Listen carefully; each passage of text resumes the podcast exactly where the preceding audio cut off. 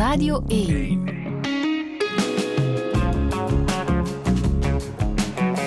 Douche. Met Friede Lesage. En met schrijfster Yvonne Kronenberg. Goedemorgen. Hoi. Hoe gaat het? Het gaat goed. Ja. Ja, ik vind het ontzettend leuk om hier te zijn. Ja, en ik ben heel blij dat je hier bent. Je hebt eh, zo net jouw columns, die je hebt geschreven voor Plus Magazine over ouder worden, eh, gebundeld in Leven voor Gevorderden. Het is een belangrijk thema geworden, hè, ouder worden. Nou, er zijn ontzettend veel ouderen. En eh, ja, als, als je terugkijkt op je leven, dan zie je een bloedrode lijn. Dus eigenlijk heb ik altijd geschreven over de levensfase waar ik zelf in verkeer. Trouwens, als je voor je uitkijkt, zie je niks. Dus het is niet zo dat je je leven verder kunt voorspellen. Maar als je achteruit, achteruit voorspellen gaat heel goed. Maar als ik helemaal achteruit kijk, dan eh, zie ik dat je in je jonge jaren ook columns voor de Playboy hebt geschreven. Daar ben ik min of meer mee begonnen. Ik had Ja. eerst in een blad dat al lang niet meer bestaat, maar later voor de Playboy, ja. Is Het dat de jouw manier om het leven rond te maken? Van Plus Magazine naar heb niks Playboy? En... Ik ben altijd gevraagd. En bij de Playboy kreeg. Eh, ik, ik ben begonnen met een brievenrubriek voor een relatietijdschrift. Relatietijdschrift is al lang uit elkaar.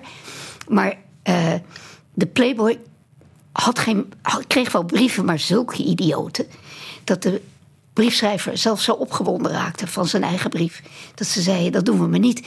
Kun jij schrijven over wat mannen zouden moeten weten over vrouwen?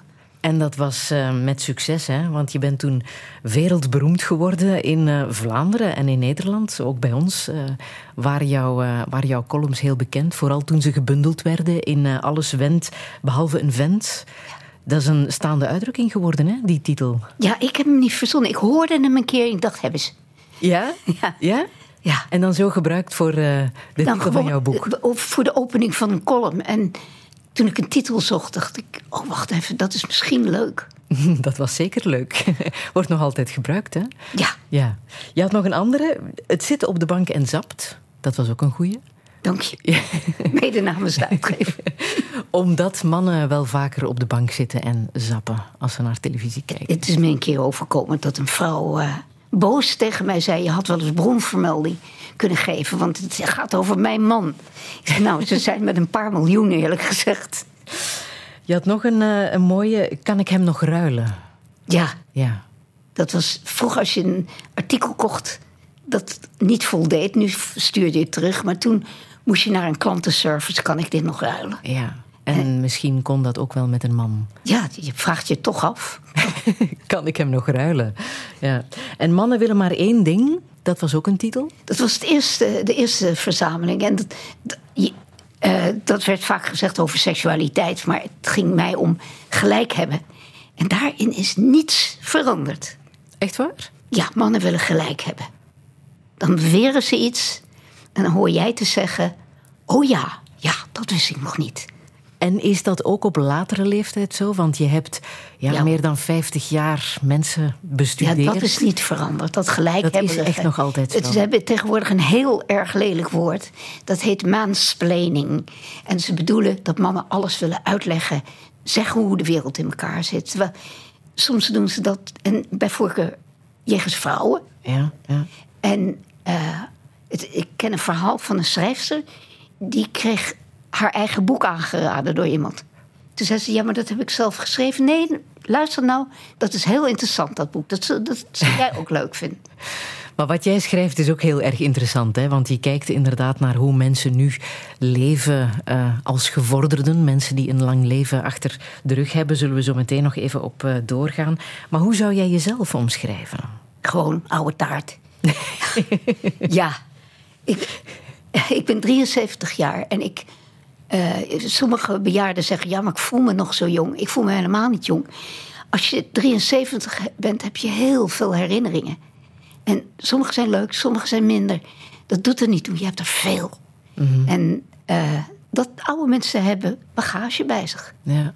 Je probeert jezelf zo min mogelijk in de weg te zitten, zeg je over jezelf. Wat bedoel je daarmee? Nou, eh, als, je, als je elke keer dat je in de spiegel kijkt, denkt: Oh, ik zie een rimpel, heb je een hele hoop werk.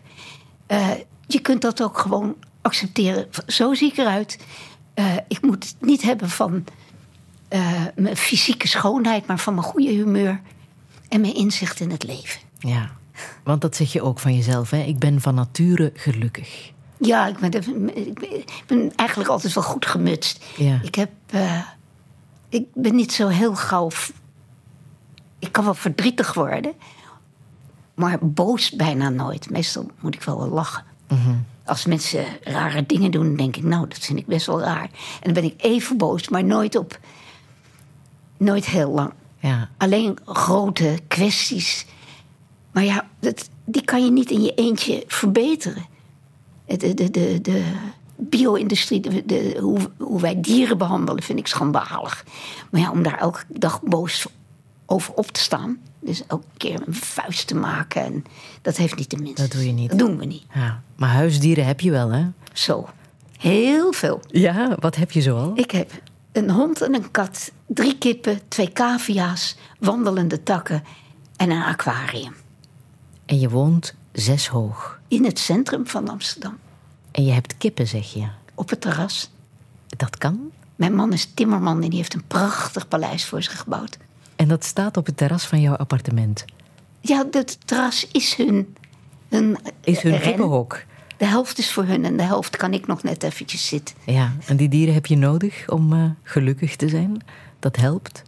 Ik, ja, ja ik, vind, ik vind het gezelschap van andere dieren die eh, geen mens zijn, vind ik erg prettig. Ja, Yvonne Kronenberg, welkom in Touché. dankjewel.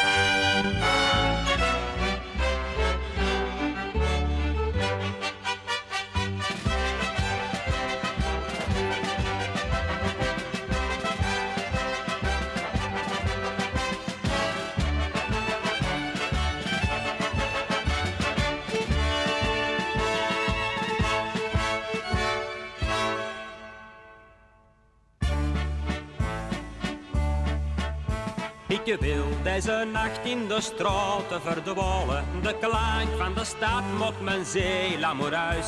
Al heb ik geen geld om plezier te betalen. Ik vind wel een vrouwke heel net en genereus.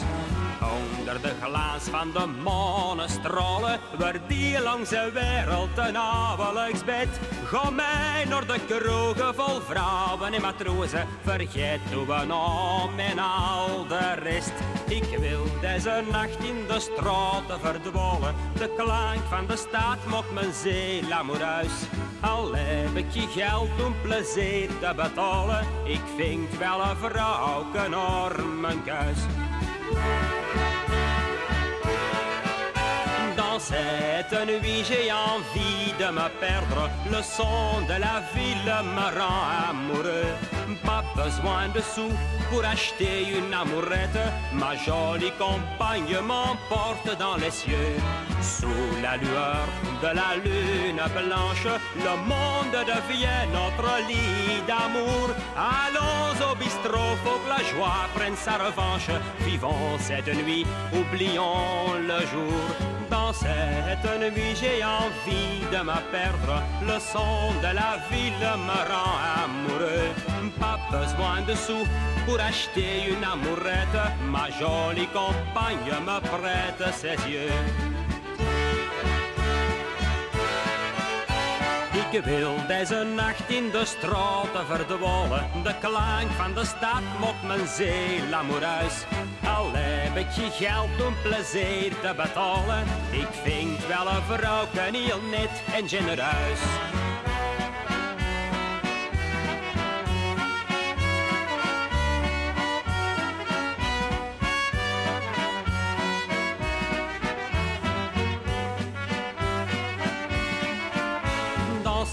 Cette nuit, j'ai envie de me perdre. Le son de la ville me rend amoureux.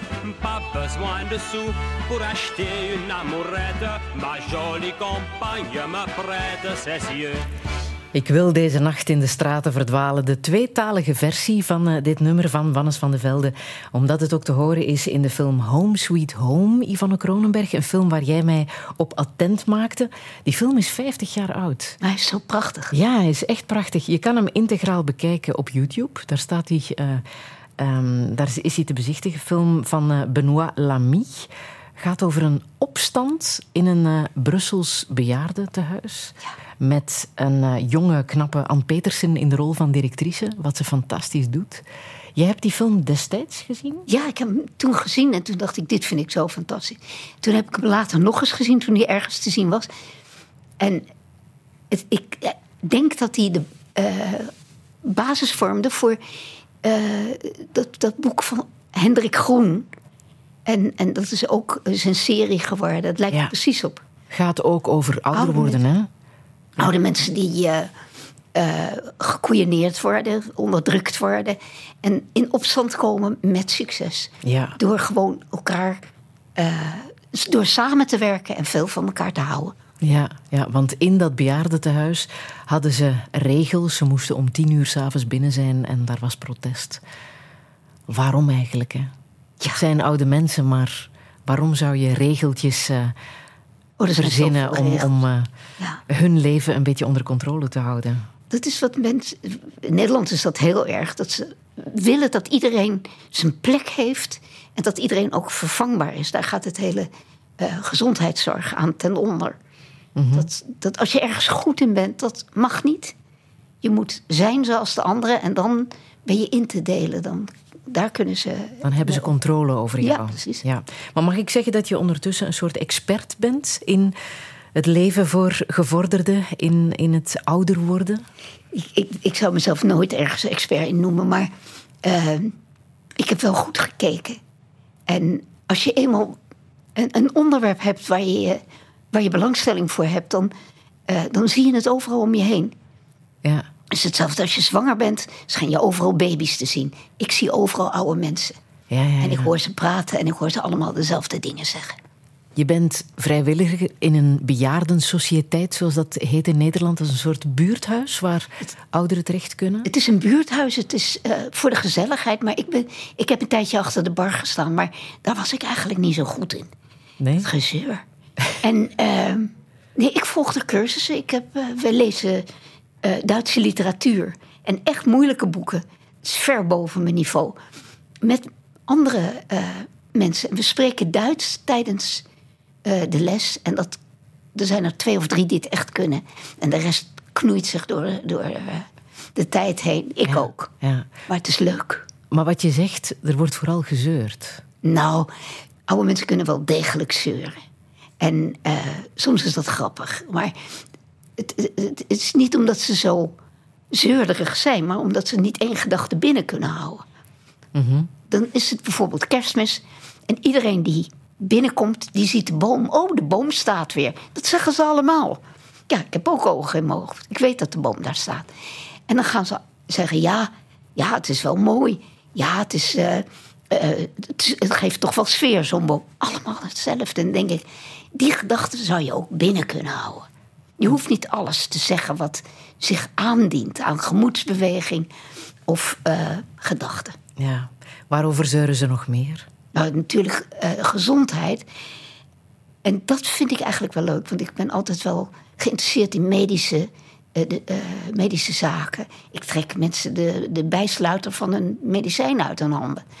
Maar ik, dat vind ik interessant. Wat slik je? En als ze dan zeggen een blauw pilletje, hey, dat mag niet. Hoe heet het? Wat is de dosering? En welke stof zit erin? Weet je dat niet? Heb je de bijsluiter? Ja. Maar ze, natuurlijk is het zo. Alle me, oude mensen hebben pijn. Gewoon oude lullenpijn. PHPD. P, dat is pijntje dat? hier, pijntje daar. Pijntje hier, pijntje daar. Had je die uitdrukking ooit gehoord? Nee, nee, nee. Zie je, wel? je bent nee. veel te jong. maar ik leer bij, ik vind het interessant.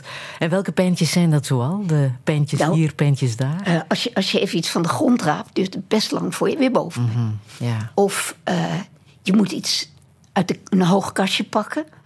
En dan hoor je oude mensen auw roepen, want de schouder doet pijn. Dat is de hele dag. Allemaal gewrichtspijntjes, spierpijntjes, uh, ongemak. Dat hebben we allemaal. Ja. Uiterlijk, is dat ook iets waar mensen over, over zeuren? Mannen hoor je er niet zo over. Uh, maar vrouwen, als ze vroeger heel mooi zijn geweest, dan is, is dat een groot verlies als dat weg is. Mm -hmm. Als, uh, uh, dat is ook wel grappig. Mooi, echt mooie vrouwen werden in hun jeugd altijd nageroepen. Kreeg altijd iets te horen van lekker wijf of weet ik veel. Ehm, en als dat, om dat een beetje tegen te houden, eh, hebben ze een leven doorgebracht met een afwerende blik in hun ogen. Als ze ouder worden, eh, werkt dat heel anders. Werkt het hetzelfde. Mensen durven je niet meer aan te spreken. En dan zeggen ze ineens: Ze zien me helemaal niet meer staan, de mannen. Ja. Maar ik ben zelf nooit een hele mooie meid geweest.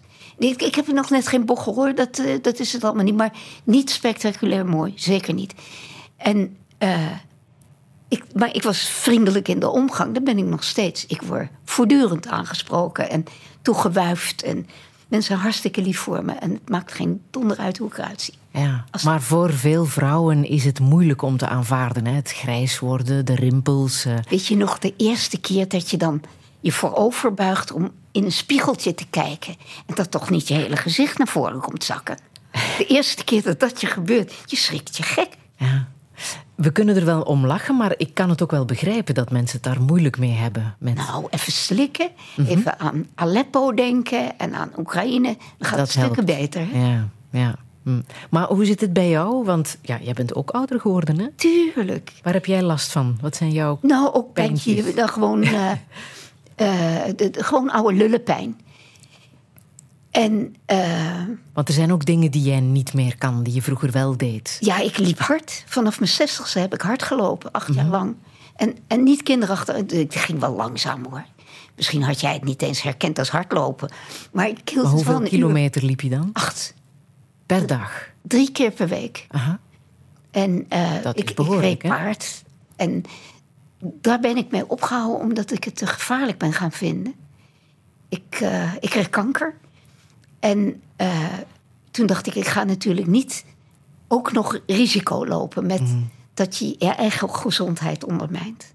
Door te vallen of dat er iets Ja. raars gebeurt. En er gebeurt met paardrijden echt wel vaak wat raars. Ja. En kon je dat makkelijk aanvaarden, dat paardrijden Ik niet meer zou lukken? alles aanvaarden. Het is, eh, ik, weet dat er gewoon af en toe heb je tegenslag in het leven. Af en toe gaan de dingen niet zoals je het graag hebt gewild. En eh, gewoon inademen op den duur weer uit en dan komt het wel goed. Ja. Je raadt mensen ook aan om een goede vriendenkring te organiseren. Op het nieuws hoorden wij vanochtend dat oude mensen vaak eenzaam zijn. Ja. En dan denk ik, ja, en dat, dat ben je dus nu. Maar tien jaar geleden was dat niet de tijd dat je zei... ik wil nog alleen maar omgaan met mensen die me energie geven. Of dat je het uitmaakte of vriendschappen liet verwateren... omdat je dacht, nou, zij zeurt zo. Of eh, eh, die heeft nooit geld bij zich om, om, om eh, een drankje af te rekenen. Je moet je vriendschappen koesteren... En dan word je niet eenzaam. En natuurlijk heb je de aanvechting om te zeggen: Ja, ik heb mijn hele leven voor iedereen gezorgd. Nu ik. Moet je niet doen. Dat is, dat, dat is onsympathiek en dat leidt. Het is de kortste weg naar eenzaamheid. ja. Humor. Humor is ook een goed middel tegen oude, Ja, maar dat heeft niet iedereen. Maar wat iedereen wel heeft, dat is eh, g- eh, vriendelijkheid, bereidheid om moeite te doen voor iemand anders. Alles wat je weggeeft, krijg je in een, in een vorm terug. Heus waar. Je mag gul zijn met je, met je diensten, je gunsten. Maar als je zelfrelativering hebt, kan dat al neigen naar humor. Zo kan je het al proberen. Hè? Aanvaarden wat je overkomt en daar op een positieve manier over praten. Een prachtige definitie. Ik, ik weet het eigenlijk zelf niet wanneer iets geestig is. Ik denk dat bijna iedereen van zichzelf zegt dat hij een gevoel voor humor heeft. Eh, net zoals iedereen zegt dat hij een goede chauffeur is. Eh, het, het, het is een beetje in de- wat het in de oog van de toeschouwer is. Maar je, kan, kan je het leren, denk je? Want toen ik je zo net vroeg om je te omschrijven, zei jij meteen: Ik ben een oude taart. Dan ben ik toch? Niet iedereen zegt dat van zichzelf natuurlijk. Nee. Maar het helpt wel als je het op die manier bekijkt Je hebt en het, het, zo verwoordt. als ja. je niet denkt dat je zelf de katsmiauw bent. Mhm. Eh, als je het helpt als je weet dat je tekortkomingen hebt en dat je die deelt met heel veel mensen. Dat eh, het helpt als je eh, je niet verheven voelt, maar verbonden.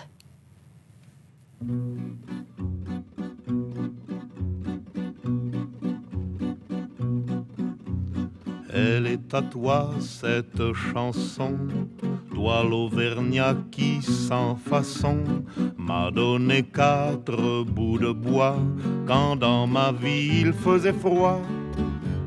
Toi qui m'as donné du feu quand les croquantes et les croquants, tous les gens bien intentionnés m'avaient fermé la porte au nez. Ce n'était rien qu'un feu de bois, mais il m'avait chauffé le corps, et dans mon âme il brûle encore, à la manière d'un feu de joie. Toi l'Auvergnat, quand tu mourras, quand le croque-mort t'emportera, qu'il te conduise à travers ciel, au Père éternel. Elle est à toi cette chanson, toi l'hôtesse qui sans façon m'a donné quatre bouts de pain quand dans ma vie il faisait faim. Toi qui m'ouvris ta huche quand les croquantes et les croquants, tous les gens bien intentionnés s'amusaient à me voir jeûner. Ce n'était rien qu'un peu de pain, mais il m'avait chauffé le corps, et dans mon âme il brûle encore, à la manière d'un grand festin. Toi l'hôtesse quand tu mourras, quand le croque-mort t'emportera, qu'il te conduise à travers ciel, au Père éternel. Elle est à toi cette chanson, toi l'étranger qui sans façon d'un air malheureux m'a souri lorsque les gendarmes m'ont pris. Toi qui n'as pas applaudi quand les croquantes et les croquants, tous les gens bien intentionnés riaient de me voir amener. Ce n'était rien qu'un peu de miel, mais il m'avait chauffé le corps. Et dans mon âme il brûle encore à la manière d'un grand soleil. Toi l'étranger, quand tu mourras, quand le croque-mort t'emportera, qu'il te conduise à travers ciel, au Père éternel. Dat mooie Frans van Georges Brassens, Chanson pour l'Auvergnat. Uh, Yvonne Kronenberg, door wie of wat heb je dit leren kennen? Mijn vader die, uh, die vond dat wij Frans moesten leren. En in, in, de, in de auto had hij altijd de Franse radio op, omdat hij hoopte dat wij daar Frans. Nou, geen letter, maar ik heb. En hij draaide dus Franse muziek. Wat ik eraan over heb gehouden is uh, een, een heel aanvaardbaar accent. Uh, dat, waardoor het weer lijkt dat ik ontzettend goed Frans. Het is niet zo. Het is best beperkt, maar het klinkt heel echt. Wat voor iemand was jouw vader? Mijn vader was hoogbegaafd. Hij sprak veertien talen. Tenminste, hij beheerste veertien talen. Ja? Onder ook uh, Grieks en Latijn. Nou, kon hij nog lezen. Um, maar hij was hij, hij, in de oorlog. Uh, hij is in zijn jeugd onderdrukt. Hij is in de oorlog onderdrukt. En het was een, een angstige man. Maar hij heeft mij levenslessen meegegeven die van onschatbare waarde zijn. Ja. Zo heeft hij altijd gezegd: je moet je geest meubileren. Dat je geest meubileren. Ja, en wat bedoelde hij daarmee? Boeken lezen, uh, films zien. Uh, zorgen dat je, dat je kennis neemt van wat er om je heen is aan cultuur. Ja. En, uh, Was hij net door de oorlog, waarin hij en, hij en zijn familie erg onderdrukt zijn geweest, want hij was van Joodse afkomst. Hè? Allebei mijn ouders waren Joods. Ja. Was dat, denk je, de reden waarom hij echt wou leven, voluit wou leven, hij... alles wou kunnen? Nou, het was niet zo'n blij mannetje hoor. Maar zijn vader had diezelfde hoogbegaafdheid. Die sprak ook veertien talen. Ja. Die, uh, uh, dus daar had hij het weer van. Maar de oorlog heeft hem bang gemaakt, heel angstig. Ik vroeg hem op bevrijdingsdag, dat is 5 mei in Nederland. ehm, of, op- dat volgt natuurlijk op de herdenking. En ach, wat waren mijn ouders treurig. En toen dacht ik, laat ik iets vrolijks vragen. Hoe was voor jullie 5 mei? En toen keek hij me strak aan en toen zei hij... wij waren bang, we durfden niet naar buiten. We durfden niet te geloven dat het voorbij was. Er was geen vertrouwen. Hé, Nee. Want hoe hadden ze de oorlog doorgemaakt? onder de grond, echt fysiek onder de grond. Mijn moederouders zijn, zijn vergast en mijn vader zijn ouders. Omdat zijn vader directeur van een ziekenhuis was, konden heel lang zich verborgen houden in het ziekenhuis en mensen helpen. En daarna zijn ze in een kamp gekomen, maar geen vernietigingskamp, Theresienstadt. Dus dat was evengoed ellendig, maar ze zijn niet vermoord. Maar de familie van jouw moeder had minder geluk. En er voltallige vriendenkring. En wat weet je daarover? dat na de oorlog, tenminste toen ik geboren ben, eh, in mijn jeugd, het waren mensen met, met gebroken dromen. Niks was uitgekomen van wat ze gehoopt hadden. Mijn moeder had verpleegster willen worden. En dat had ze enig gevonden. En ze is het nog kort geweest. Maar daarna zat ze met dat hele kippenhok vol kinderen, vier. En mijn vader eh, moest gewoon zorgen voor dit gezin. Dat was toen nog zo. Ja. Maar zij was ook haar hele familie kwijt. Familie, vrienden, alles waren ze kwijt. Ja. Ja. Hoe is zij daarmee omgegaan met het idee dat haar hele familie vergast was in Sobibor? Ze had natuurlijk direct na de oorlog nog de veerkracht van de jeugd. En ze was heel verdrietig, ze heeft verschrikkelijk veel gehuild. Ehm, maar de rivier van het leven sleurt je verder. En eh, ze was natuurlijk teleurgesteld, maar in de jaren 50, alle vrouwen kregen kinderen. Het was niks tegen te doen. En het was niet zo. Tegenwoordig lijkt het wel de- de- of je, of je in, in, in de bijenkorf bent, of hoe heette die eh, zaak, waar je gewoon kunt kiezen wat je hebben wilt. Je kunt wensen uitspreken en die komen dan min of meer uit. Dat was toen niet. Ze waren teleurgesteld, maar ze probeerden er het beste van te maken. Ja. Was ze gelukkig? Mijn moeder had, eh, een, was met heel weinig tevreden. Als de blaadjes aan de bomen kwamen, dan zei ze: Dat vind ik zo leuk. En 's ochtends belde ze, dat moest toen nog, het weerbericht. Dat deed ze iedere dag. En dat vond ze leuk. Ze hield van hele kleine dingen. En om dat te kunnen, dat vereist grote wijsheid. Denk je dat je dat van haar hebt? Dat, dat blij zijn met iets kleins, dat heb ik van haar, ja. Ja. Want hoe was het voor jou als kind? Want ik kan mij voorstellen dat dat voelbaar is. Hè? Een gezin waar zo'n drama zich heeft afgespeeld. Ja, maar dat, ik vond gewoon jong zijn verschrikkelijk. Ja? Ik werd gepest op school omdat ik klein was. Ik ben te vroeg naar school gestuurd. Dus was ik, kon ik het al helemaal niet bijbenen.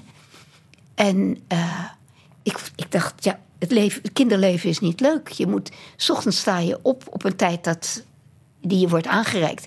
Dan ga je naar school. Dan word je gepest of je zit je te vervelen. Dan ga je naar huis. Dan ga je eten en dan ga je slapen. En, en huiswerk maken. En dat is je leven. En dat bleef natuurlijk zo tot eh, mijn achttiende En waarom werd je gepest?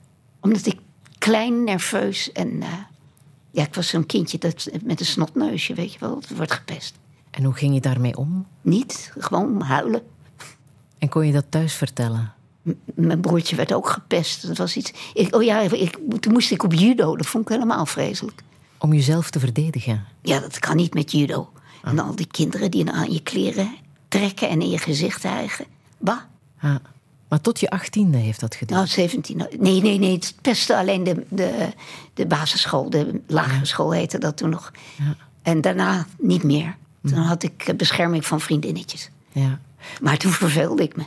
Je zegt ook dat je onderwijs gemist hebt. Wat, Ja. wat bedoel je daarmee? Je Ja, ging wat, ik, wat ik aangereikt kreeg, dat, dat, dat als je het door had moet, moest, had je niks meer te doen. Ik had heel graag willen leren, maar dan iets. Ja, ik, Was je te slim? ik, ik kan goed woordjes leren. En als je woordjes kan leren, ben je heel snel klaar op school. Dan kan, dan kan je de talen, je hoeft alleen maar te vertalen. Eh, en en ik, dat was, het, eh, ik had niks te doen. En ik had het heel leuk gevonden als... eh, tegenwoordig krijg je, mag je dan Chinees leren of Russisch? Of Spaans, dus nog. Had ik leuk gevonden. Wat ook wel opmerkelijk is, dat jouw ouders ehm, zeer vrij gevochten waren. Hè? Ja, Waren heel erg eh, ehm, opstandig waren ze gewoon. opstandig zelfs. Ja. ja?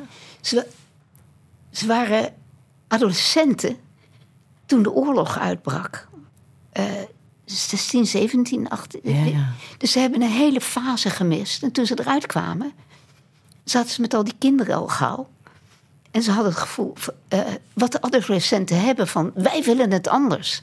Alles wat burgerlijk, wat maar zweemde naar burgerlijkheid, dat verwierpen ze. Dus Seksualiteit was helemaal geen Nee. taboe en toen, bij wij, jullie thuis. eh, toen ik marihuana begon te roken en zo. Ja, dat vonden ze niet zo verstandig, maar het, werd, het was niet geen schande of zo.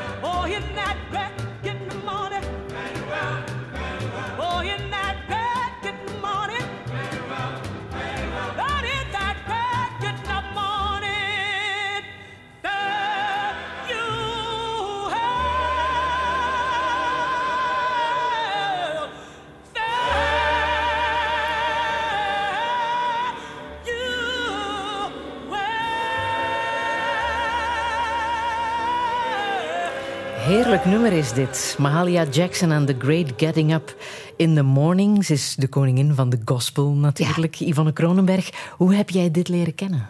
Mijn vader eh, heeft in, in, na zijn studie Engels in Amerika een tijd gezeten. En he- eh, heeft zich helemaal laten marineren in de eh, zwarte cultuur. Dus hij, zwarte poëzie, zwarte muziek. En dat vond hij prachtig. Het is nog steeds zo in Amerika dat witte cultuur is heel christelijk. Eigenlijk heel vervelend. Eén grote Bijbelbelt. En eh, zwarte cultuur is veel interessanter. En is dat de reden waarom je zelf ook op Ja, je naar, naar Amerika bent getrokken, hè, om daar te gaan Ja. eh, studeren? Ja, maar dan kwam ik in de Bijbelbelt terecht. En ik werd. Ik, ik ging natuurlijk meteen met de, de zwarte eh, dienst, met het zwarte dienstmeisje praten. Dat was verboden, mocht niet.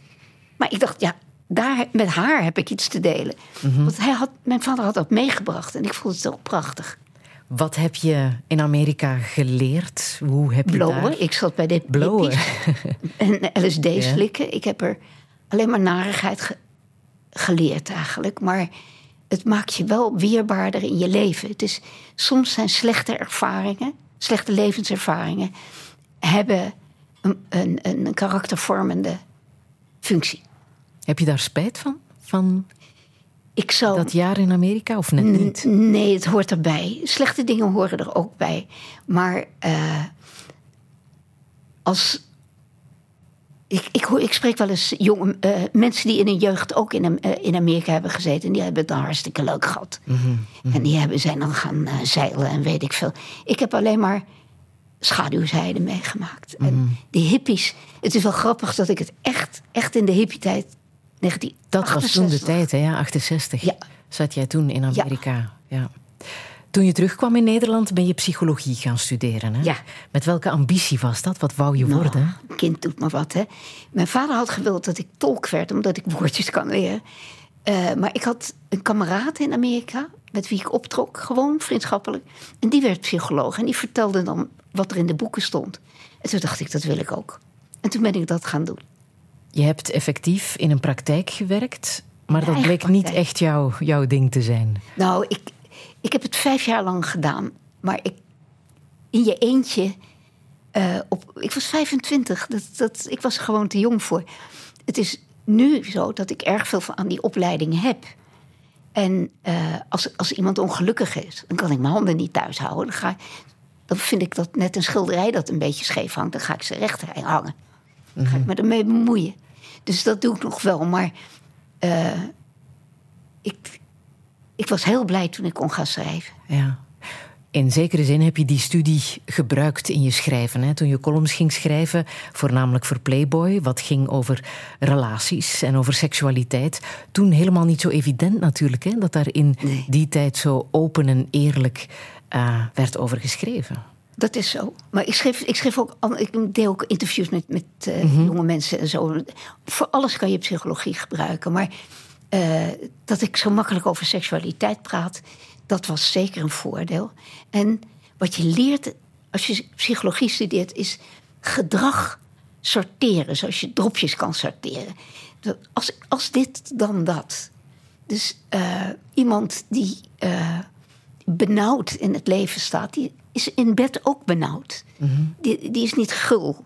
En, en je, hebt, eh, een, je hebt mannen die willen niks liever dan alles doen voor een vrouw of, een vrouw of een man. Waar ze maar, maar die willen gewoon dat jij geniet. Dat zie ik meteen. Ja. Nu, dat jij zo makkelijk over seksualiteit kon schrijven, had allicht ook te maken met die, ehm, opvoeding. die vrije opvoeding van je ouders. Hè? Want zowel je vader als je moeder hadden daar totaal geen probleem Nee, mee. maar dat heb je met adolescenten. Ze kwamen met Omdat ze zelf zo jong waren. Ja. Ja, dus ze vonden seks dat moet vrij zijn. Want jouw moeder had zelfs een grote boon voor prostituees, las ik. Maar die had ze van haar moeder. Ja. Haar moeder Waar moet heel erg leuk zijn geweest. Die had eh, eens in de veertien dagen kreeg ze bezoek van haar vriendinnenkring. En daar zat een prostituee bij, een hoer. En eh, die vertelde leuk. En nou lag het hele clubje in, in een deuk. Dat was, we moesten vreselijk om lachen. En dat ging over haar bezoekers. Ja, over de haar verhalen die ze vertelde. Mijn moeder, ik was elf jaar en ik moest naar een sportkeuring. En eh, dat was vlakbij de Hoerenbuurt buurt in Den Haag. Waar ik toen op, eh, opgroeide. En toen ging ze langzaam rijden met de auto. En ze zei, dan moet je naar rechts kijken, daar zitten ze. Ik had geen idee waar ze het over had. En toen mo- ge- legde ze daar, dat zijn, eh, dat zijn hoeren, die doen ja. het voor geld. Aha. Doen wat, mama? En jouw vader, ehm, die verzamelde pornoblaadjes. Ja, die zei. eh, Wat verboden was toen. wat, nee, het was niet verboden, maar hij was wel bang dat eh, de katholieken, had hij het dan over, als die aan de macht zouden komen, en dat kon heel goed in Eh. 50er jaren in Nederland, dan wordt het verboden. Dan had hij het maar vast in huis. Wist Maar jij dat? Dat hij dat in huis had? Tuurlijk wist ik dat. Ja? En eh, ik heb die hele pornotheek geërfd van hem. En, eh, maar het was allemaal in het Engels. Dus eh, mijn moeder, denk ik, wist het wel, maar dat vond ze niet zo interessant. Ah. Maar sommige van die boeken waren best goed geschreven. Georges Bataille is een Franse schrijver in Frankrijk zeker beroemd moet zijn geweest. Maar die schreef ook porno. Nu, jij schreef dus over, over relaties ehm, en seksualiteit. Maar nooit heeft- porno. Nee, nee. maar het heeft jou wel het imago van mannenhaatster opgeleverd. Ja, mensen zeggen toch maar. Vreemd. Zeker als je de columns leest, Ja. ben jij alles behalve een mannenhaat. Ik haat niemand. En, en mensen, ik, eh, ik vind mannen zelfs in sommige opzichten, vind ik ze bijzonder leuk. Ze zijn speelser dan vrouwen. Vrouwen, eh, dat moet ook. Vrouwen zijn veel verantwoordelijker voor hoe het dagelijks leven gaat. En eh, die hebben geen tijd om aan de wa- waterkant te gaan zitten vissen. Mannen he- hebben een groot gevoel voor dingen die kunnen gebeuren. Dat maakt ze speels. En eh, ze vinden dat soort spanning leuk. Je weet maar nooit. Maar hoe kwam je dan aan dat imago? Nou ja, mensen zeggen toch maar wat. Ze lazen jouw artikels niet in de Nee, Playboy. nee, nee. Ze keken naar de Salman foto's. Rushdie eh, toch ook nooit gelezen. en dan toch boos worden over een En boek. toch een oordeel erover. Ja, dat- dat- Maar gelukkig waren er ook veel mensen die wel lazen wat je schreef. En daar heel veel uit leerden, denk ik. Jij schreef, eh, schreef over, over je eigen ervaring ook, Ja. over je eigen relaties. Ja. Hoe moeilijk was dat? Nee, dat vond ik helemaal niet moeilijk. Weet je, als je de grapjes weglaat, is het een voorlichtingsboek. Maar ik vond de grapjes leuk om eh, erin te schrijven. En ik vond het leuk om een beetje ja, te dollen met, met wat me was overkomen. En sommige dingen waren echt niet leuk. Maar op het moment dat je ze opschrijft... en, en, en er een achtergrond bij geeft... dan wordt het veel makkelijker te verduren. Zo schreef je bijvoorbeeld dat je het ooit hebt geprobeerd met vrouwen. Je wou Oh, ja. weten of, Maar dat of dat wel- iets was. Ja, denk ik, was dol nieuwsgierig en ik hou van vrouwen. Ik vind vrouwelijk gezelschap fantastisch. En ik vind vrouwen ook mooi, alleen ik word niet verliefd op ze. En dat gezeur kan ik niet zo goed tegen. Alles uitgepraat moet worden. Kerels zijn veel makkelijker. Is dat wat vrouwen doen?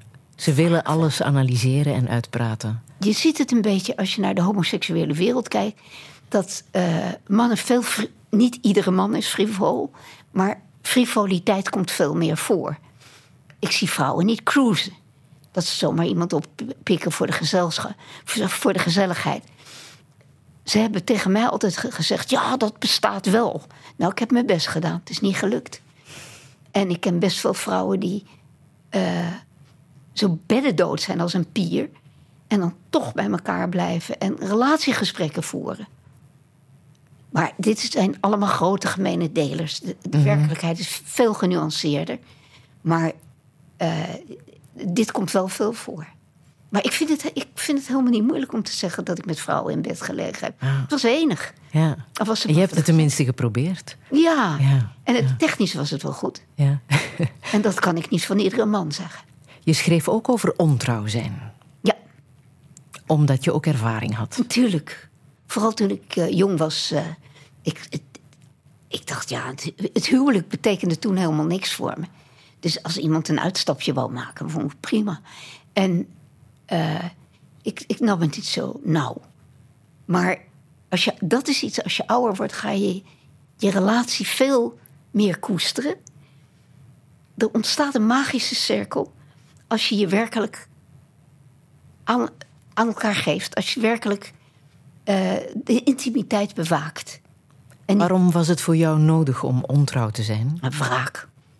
Als, eh, als iemand wat flikte wat, wat me niet aanstond. Of dat ik me veronachtzaamd voelde. Of eh, ja, vrouwen doen het vaak om een reden. Hè? Mannen die staan gewoon per ongeluk met een broek op hun enkels. Dat ze nieuwsgierig waren en ineens is het moment daar. Die doen het wat minder opzettelijk. Maar vrouwen hebben vaak, doen het vaak niet uit frivoliteit, maar omdat ze zich te- tekort gedaan voelen. Of er is nooit een orgasme, dan denken ze nou misschien bij de buurman wel. Heb je daar spijt van? Dat je ontrouw je bent moet geweest? alles meemaken, ook slechte dingen. Je moet, mag zelf ook best een beetje slecht zijn. Ja. Alleen ik, wat ik nu heel erg waardeer, is juist eh, de, de. Omdat ik al heel lang met Joep ben. eh, we hebben een ijstijd gehad hoor, dat we niet samen waren. Maar dat je, dat je zoveel herinneringen samen hebt. Dat je zoveel intimiteit hebt gekend en nog steeds kent. Daar ben ik heel zuinig op. Ik zou niet overpiekeren om nu een andere kwiebes in mijn armen te sluiten.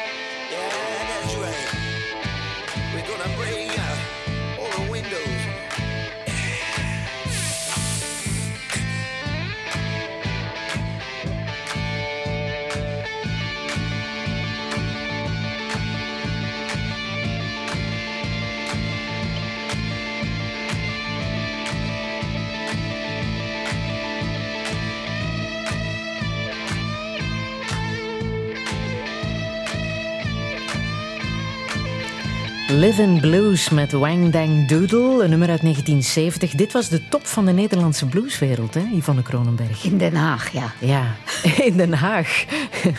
Ja. ja. Dat, toen ik 16 was, ontmoette ik de mondharmonica-speler. Hij had lang haar. En mijn ouders die vonden het verschrikkelijk. Want die jongen die had ambachtsschool. En hij kwam ook uit een, een, een ja, arbeidersfamilie. Het, het was, ze hadden, ik zat op het gymnasium. Ze hadden wat, ze- liever een professor gezien. Maar ja, ik vond hem leuk. En eh, hij had een heel erg goede hij was een goede mondharmonica-speler en had internationaal bekend kunnen worden. Maar hij had het te druk met zuipen. Hij heeft zich doodgezopen. En dat is jouw eerste relatie geweest? Ja, dat was mijn eerste. Hij werd ook gewelddadig. Het was allemaal vreselijk. Ja. Maar toch laat je hem horen.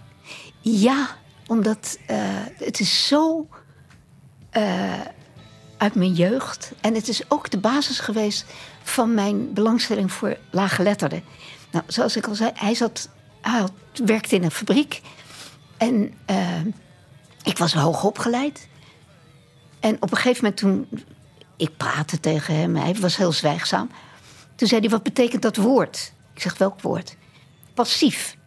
Toen dacht ik, nou, als je dat niet hebt verstaan... heb je geen woord begrepen van wat ik zei. Want ik gebruikte natuurlijk heel makkelijk moeilijke woorden. Dat heb je als je Latijn leert. En eh, toen dacht ik, voortaan wil ik verstaanbaar zijn voor iedereen. Je kan altijd bijleren.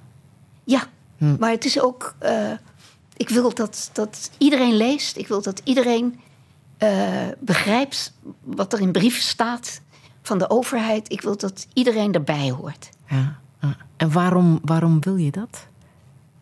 Ja.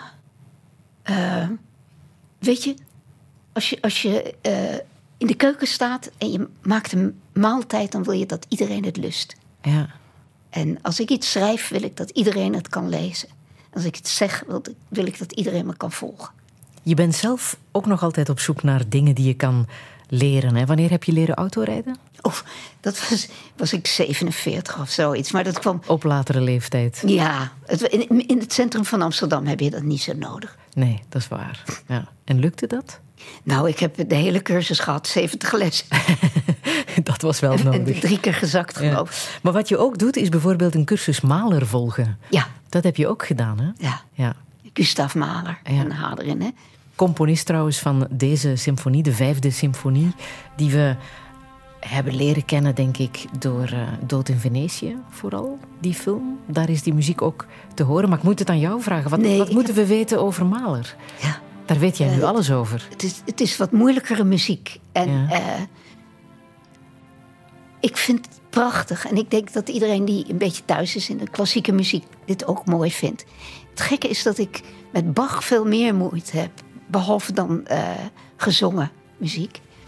Maar eh, ik heb de kindertotenlieder gevraagd. Hè? Heb je die? We hebben nu dit. eh, Oh, dat is ook Als goed. dat ook goed is. Ja, Ja. alles is goed. Ja. Maar ik, ik hou van klassieke muziek. En ja, dat is een beetje elitair. Maar dat is de andere kant van, van, van, van een hart voor laaggeletterden hebben. Ik ben ook een beetje elitair. Luister maar. Ehm, weet je trouwens waar hij dit voor geschreven heeft, die vijfde symfonie? Nee, Dat dat, was, weet was dat niet voor zijn, zijn eh, Alma, zijn grote liefde? Alma Oh, god, dat kan. Ja, ja, zij maakte ook muziek, hè? Mhm. Ze componeerde ook. En waarschijnlijk net zo goed als hij. Ja, ik dacht, jij als Nee. specialiste in seksualiteit Nee, en joh, relaties... moet daar dan heel erg in geïnteresseerd zijn geweest... wat dat is geweest tussen Alma en Gustav Nee, Mahler. nee, nee, nee, nee. Zover ging het niet. Nee, dan- ik luisterde naar de muziek. Laten wij dat dan hier ook maar doen. We luisteren naar de muziek.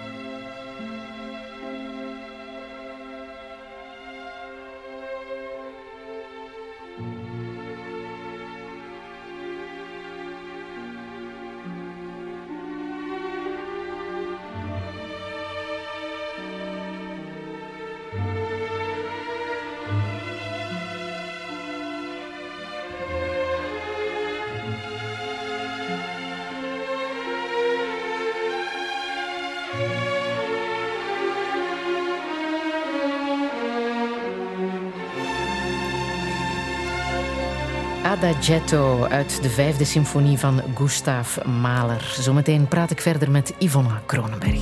Radio 1.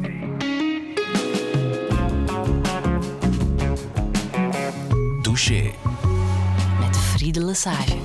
En met schrijfster Yvonne Kronenberg. Ze werd beroemd en berucht door haar columns in Playboy.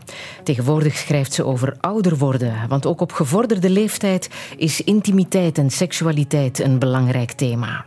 Hoe ga je om met een lijf dat sputtert? Hoe leef je een leven zonder kinderen? Waarom is trouwen na 40 jaar samen zijn een goed idee? En wat als je kanker hebt gehad? Dit is Touché met Yvonne Kronenberg. Een goedemiddag. Y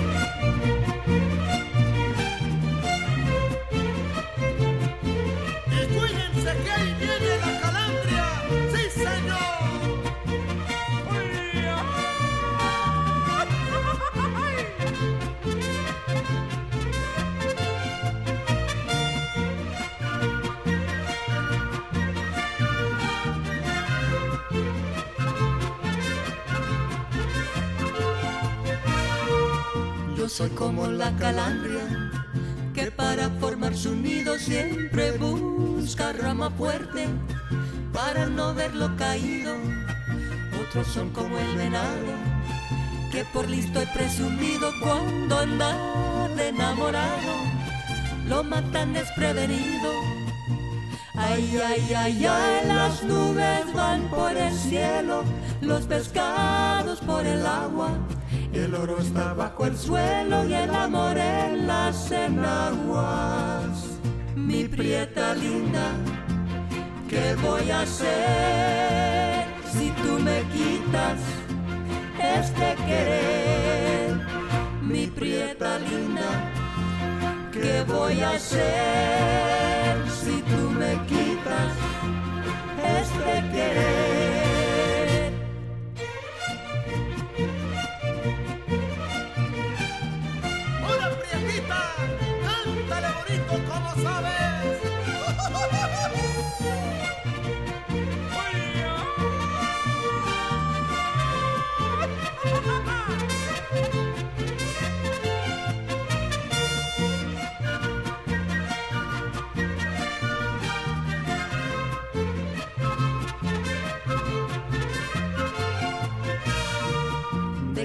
Sirve a los hombres presumir de valentones si cuando están en su casa se les caen los pantalones? También sucede otra cosa con los que son fanfarrones cuando ven la cosa en serio, les pasan con sus calzones. Ay, ay, ay, ay, las nubes van por el cielo, los pescados por el agua. El oro está bajo el suelo y el amor en las enaguas. Mi prieta linda, ¿qué voy a hacer si tú me quitas este querer? Mi prieta linda, ¿qué voy a hacer si tú me quitas este querer? Linda Ronstadt en La Calandria, Yvonne Kronenberg. Er zit altijd een soort vrolijkheid in de muziek die jij eh, hebt gekozen. Het is kracht Ja. die ik leuk vind. Het, eh, vrouwen met kracht en, en enthousiasme. Mannen ook trouwens. Maar eh, dat is wat ik er leuk aan vind. Dat er een enorme power achter zit. En dat was zeker het geval bij Linda Ronstadt. Hè? Die is nu ook oud, begreep Ja, ik. ja. En ja, dat, dat gebeurt ons allemaal. Op een gegeven moment houdt het gewoon op. Ja. Haar gezondheid is haar niet zo gunstig gezind.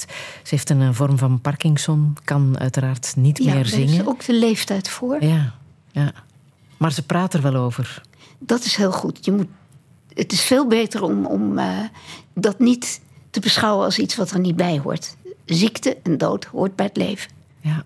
En dat te aanvaarden en te omarmen. Je kunt niet heel veel anders. Ja. Maar je hebt echt een zwak voor haar, omdat ze ook in het Spaans heeft gezongen. Ja, dat er vind ik ook leuk. mee te maken? Ja, Het, eh, het- het- ik, ik ben in Amerika geweest. En in Amerika, de Amer- Amerikaanse kant van de, van de grens, El Paso, is doodsaai. En dan ga je het bruggetje over en dan kom je in het leven.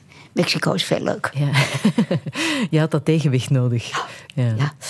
Yvonne Kronenberg, je hebt een, eh, een prachtig gedicht meegebracht van Kees Stip, Marche Militair. Ja. Waarom is Kees- dat een gedicht dat jou heeft geraakt? Nou, twee dingen. Kees Stip is bekend van zijn treintje Fop. Korte gedichtjes. Ja? Eh, en dat was allemaal om te lachen. En dit is een van de weinige serieuze gedichten die hij heeft geschreven over de Eerste Wereldoorlog. En toen ik 13 jaar heb- was, heb ik dat voorgedragen eh, op een culturele avond. En dat weet je nog. Natuurlijk weet ik het nog. Ja? Het staat bij mij thuis op een deur.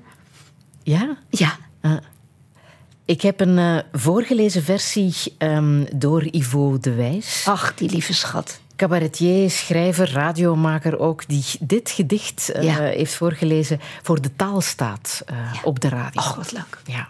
De zon was een maan in de mist. Zij liepen in dichte kolonnen. Zo zijn deze dingen begonnen, waar niemand het einde van wist. Zo lopen wij nog door de dag, waarover geen avond zal komen. Het is maar een droom die wij dromen, een droom die niet eindigen mag. Toch moet het al lang zijn gebeurd. Voor jou en voor mij en voor allen moet eenmaal de nacht zijn gevallen... en de aarde moet rood zijn gekleurd. Maar bloed, daarom lacht een soldaat. En toen er geef acht werd geboden, toen stonden we op van de doden... en liepen we weer in de maat. We liepen weer achter de trom, door zon en door wind en door regen... en waren vergeten waartegen en waren vergeten waarom. We vloekten en zongen een lied van maagden en roofmoordenaren. We vloekten en zongen en waren gestorven en wisten het niet. We hebben geen halt in de tijd. We kennen geen keer van de dingen. Marcheren en sterven en zingen. Zo is het en blijft het altijd. O God in de hemelen die de wereld alleen hebt gelaten. Hier komen uw dode soldaten en zingen van Blonde Marie. Mooi voorgelezen door Ivo de Wijs. Kan je zeggen waarom het jou raakt, dat gedicht van de Eerste vind- Wereldoorlog? Ik vind de Eerste Wereldoorlog, eh, dat, dat was iets verschrikkelijks. Achter het front leefden de mensen gewoon door. Terwijl 16-jarige jongens kapot werden geschoten. Op niks af, nergens voor. Om geen enkele reden. En heel vaak ook omdat de generaals iets wilden uitproberen. En eh, dat was een heel, eh, een, een- iets verschrikkelijks. En ik vind dat Kees Stip de ernst daarvan heeft weten te raken. Juist met, door te zeggen dat ze de dode soldaten die zingen van Blonde Marie. Heb je daar veel over gelezen, over die periode, over Ja, de Eerste ja. ja. Er, er bestaat een heel mooi boek van Kees van der Velde... samen met een andere auteur, een vrouw... die eh, De Velden van Wel Eer heet, heet dat boek. En hij is naar, naar de slagvelden gegaan. Je kunt in, in België kun je heel goed zien... waar, en Noord-Frankrijk... er zitten gewoon nog gaten in de grond. Je ziet in de bossen de wonden van de Eerste Wereldoorlog. Die zie je gewoon. Zijn dat plekken waar je zelf ook eens naartoe gaat om te kijken? Ik ben er geweest. Ik heb heel veel gezien.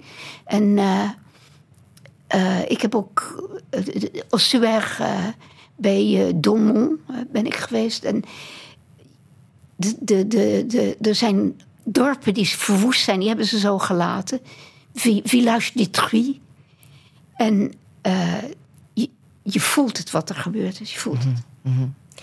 Je staat heel vrolijk in het leven, maar toch het wereldleed laat jou natuurlijk niet koud, hè? Nee, als je, dat je gemakkelijk een goede bui hebt... wil niet zeggen dat je de ernst niet ziet. De kinderen in Iran bijvoorbeeld, die worden gemarteld. En de meisjes die worden vergiftigd op school, omdat ze niet langer naar school zouden gaan. Dat zijn dingen waar jij van wakker ligt, hè? Nou, ja. En eh, dierenleed en alles wat verschrikkelijk misgaat in de wereld. eh, daar, daar sta ik verbijsterd tegenover. Maar alleen de dingen waar ik echt iets kan betekenen, waar ik echt iets kan doen, doe, spreek ik over en, en, en probeer ik ook bij te dragen aan een verandering. Stel dat je die kinderen uit Iran zou kunnen spreken. Waarover zou je het dan hebben? Ik zou alleen maar vragen. Ja? Ik zou alleen maar uitnodigen om. Het enige wat je voor andere mensen kunt doen, is troosten en aanmoedigen. Eigenlijk kan je niet veel anders dan dat. je, er zijn, het is niet zo dat als ik nou maar dit of dat zeg, dan, nou, dan komt het wel goed. Maar troost is altijd goed. En, en erkenning dat je weet je, dat het gezien is. Luisteren Luisteren. naar hun verhalen. Ja. Ja. Zelf heb je geen kinderen, hè? Nee, ik vond het kinderleven niet leuk. En ik ging het zeker niet doorleven, doorgeven aan iemand anders. Was dat de Ja. reden waarom je het niet wou? En omdat je als ouder datzelfde kinderleven opnieuw beleeft. Daar had ik helemaal geen zin in. Hoe kijk je daar nu naar? Nou, hartstikke fijn dat ik ze niet heb. Ik hoorde echt niet altijd leuke dingen over. En wat ik zeker niet zou willen, dat is dat een eh, inmiddels 50, 60 jaar kind van mij monter komt doen aan mijn bed. Om, terwijl ik eh, daar machteloos ligt te sterven of eh, het, niet meer, het leven niet meer aan ligt te kunnen. Terwijl dat wel is wat je hoort van ouderen. Ja, je hebt die kinderen nodig om voor je te zorgen. Ik heb liever een professional die gewoon de werk staat te doen. En eh, met wie ik nog een beetje kan lachen. Dan kinderen die wel wat anders aan hun hoofd zouden kunnen hebben. Mhm, Want dat is niet de verantwoordelijkheid die je aan kinderen. Heel vaak gaan oude ouders eh, achteruit en, en worden hulpbehoevend op het moment dat eh, iemand zelf in de overgang raakt of aan het eind van zijn carrière staat. Of, en vooral ook en, diens eigen kinderen jongvolwassenen worden. En het huis uitgaan, dat gebeurt toch genoeg. En als je dan ook nog eens aan iemand zijn schort komt hangen, dat lijkt me geen goed idee. Ik heb er nooit spijt van gehad. En ik heb altijd vriendschappen gekoesterd. En, eh, als je met z'n allen oud wordt, is het lichter te dragen. Jouw zussen hebben ook geen kinderen gehad, hè? Nee, maar dat kwam ook een beetje door mijn ouders die altijd hebben gezegd: doe maar niet. Ja? Ja, ze zeiden: je bent je vrijheid kwijt en zo leuk is het niet. Dank u wel. Zeiden ze tegen hun Vond ik eigen niet kinderen. erg hoor. Vond ik nee. echt niet erg. Ik Nee. zag dat ze het niet leuk vonden. En dat heb je een beetje eh, met oorlogsslachtoffers. Dat de kinderen daarvan zich verantwoordelijk voelen voor eh, het verdriet van hun ouders. En dat heb ik natuurlijk ook. Mm. Heb jij voor je ouders gezorgd op latere leeftijd? Emotioneel wel, ja. Ja. Ja, ik, eh, ik heb gedaan wat ik kon om het een beetje draaglijk te maken voor hun. ja. En hoe dan? Nou, toen ik 16 was, dat herinner ik me echt. Dat mijn moeder iets zei waar ik boos om werd. Of, het zal wel over dat, dat vriendje eh, zijn geweest. Dat ze niet leuk vonden. Dat ik dacht, ja, ik kan nu een grote mond geven en lastig worden. Maar ik woon hier ook. Laat ik zorgen dat het hier gezellig is. En geen ruzie maken waar het toch niks op levert. Aha. Dat Want jouw moeder eh, had niet zo'n ruime vriendenkring of vond dat niet nou, die waren zo... allemaal eh, vergast. Mhm. En ze heeft, ze, nooit, ze heeft nooit nieuwe gemaakt. Aha. Ja. Dat doe je niet na zo'n oorlog. Ja. Maar verwachten ze dan van haar kinderen dat jullie voor haar zouden zorgen op latere leeftijd? Ik denk dat ze, nou, ze werd ziek, ze kreeg MS. En eh, wij gingen helpen in het huishouden. Dat was heel gewoon natuurlijk. Ja. Eh, ze heeft later wel gezegd. Als ik zei van je hebt wel erg weinig vriendinnetjes. Hè? Dan zei ze nou, ik, eh, ik heb er geen behoefte aan. Ik heb jullie toch? Ja. Dat is een hele zware taak die je kinderen dan geeft. Maar ik heb niet geprotesteerd omdat ik dacht, hier valt niks te winnen. Ik kies mijn vijanden zorgvuldig. Ik vecht alleen als ik het gevoel heb dat het iets oplevert. En anders denk ik, ik verzin wel wat. Jouw vader is niet zo oud geworden, hè? Die is maar 62 geworden. En eh, daarmee heb ik nog een hele goede vriend, vriendschapsband mee op weten te bouwen. We, hij kwam dan naar Amsterdam om samen met mij het aquarium schoon te maken. En, want ik had ook een aquarium. Hij had En hij drie. ook. Ja? En eh, ik nam hem mee naar het café. Dat had hij nooit beleefd, dat soort dingen. En ik had het heel leuk gevonden als hij ouder was geworden. Zou ik hem mee hebben genomen naar literaire manifestaties of dingen waar hij een beetje kon schitteren en schijnen. Maar dat is niet meer gebeurd. Nee, dat is niet gebeurd. Ah. Was het plots afgelopen? Hij is drie weken ziek geweest en toen was het gedaan met de oude sopraan. Ja. Hoe heb je afscheid genomen? Ehm, ik heb gezegd, eh, hij kon niet meer praten. Ik heb de samenvatting gegeven, gezegd... wij vinden het heel erg dat jij nu gaat sterven, maar jij vindt het oké. Toen knikte hij. Toen zei ik, alles wat je hebt geschreven zal ik bewaren en koesteren. En als ik er iets mee kan doen, zal ik het zeker niet nalaten. Want hij schreef ook. Ja. En heb je er iets mee gedaan? Dat, dat is niet zo eenvoudig, maar ik heb het allemaal bewaard. Ja. Komt het nog? Dat weet je niet. Dat Ja. weet je niet. Maar het is ook goed dat het er is. chosen you to be my wife. You be my wife the rest of my life? Chosen you to be my wife. Oh, my darling one. Oh, my darling, oh, my darling, oh, my darling one. Oh, my darling, oh, my darling, oh, my darling one. Your skin, your lips, your green gray eyes tickle my touch in this heart of mine. Oh, my senses going wild. Oh, my darling one. Oh, my darling, oh, my darling, oh, my darling one. Oh, my darling, oh, my darling, oh, my darling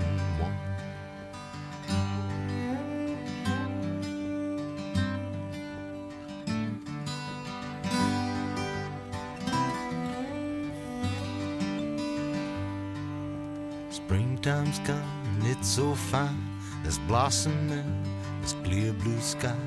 Sunny with you in rhyme. Oh, oh. oh, my darling. Oh, my darling, oh, my darling, oh, oh my darling. Oh, my darling, oh, my darling, oh, my darling. I've chosen you to be the one, so now you are the chosen one. Let's celebrate it with a brand new song. Oh, my darling one. Oh, my darling, oh, my darling, oh, my darling one. Oh, my darling, oh, my darling, oh, my darling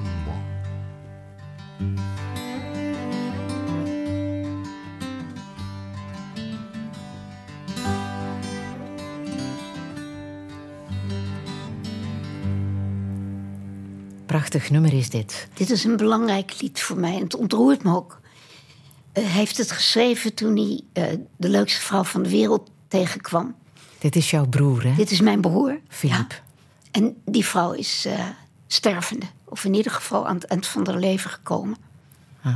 En het is een van de aller, allerliefste vrouwen die ik ken. En ik ben heel dik met mijn broer. Dus eh, Ja. van hem en mij hadden ze dan het gewoon maar één kunnen maken. Dit is moeilijk natuurlijk. Dus ja, Ja. Ja. Nog veel te jong ook. veel te jong. En eh, ja, maar het leven is vreed. De- er is geen rechtvaardigheid. Het is gewoon niet. Het heeft er ook al ingehakt, hè? Bij een van jouw zussen.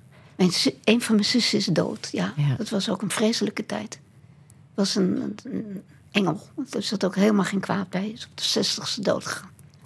Alvleesklierkanker. Ja, ja. ja, ja, En toen kreeg jij ook kanker. ja, met hetzelfde gen. Dus eh, ja, en eh, ik zal ook niet zo heel snel zeggen wat ik volgend jaar ga doen. Want het is helemaal nergens geschreven dat ik hoeveel tijd mij bemeten is. Ja.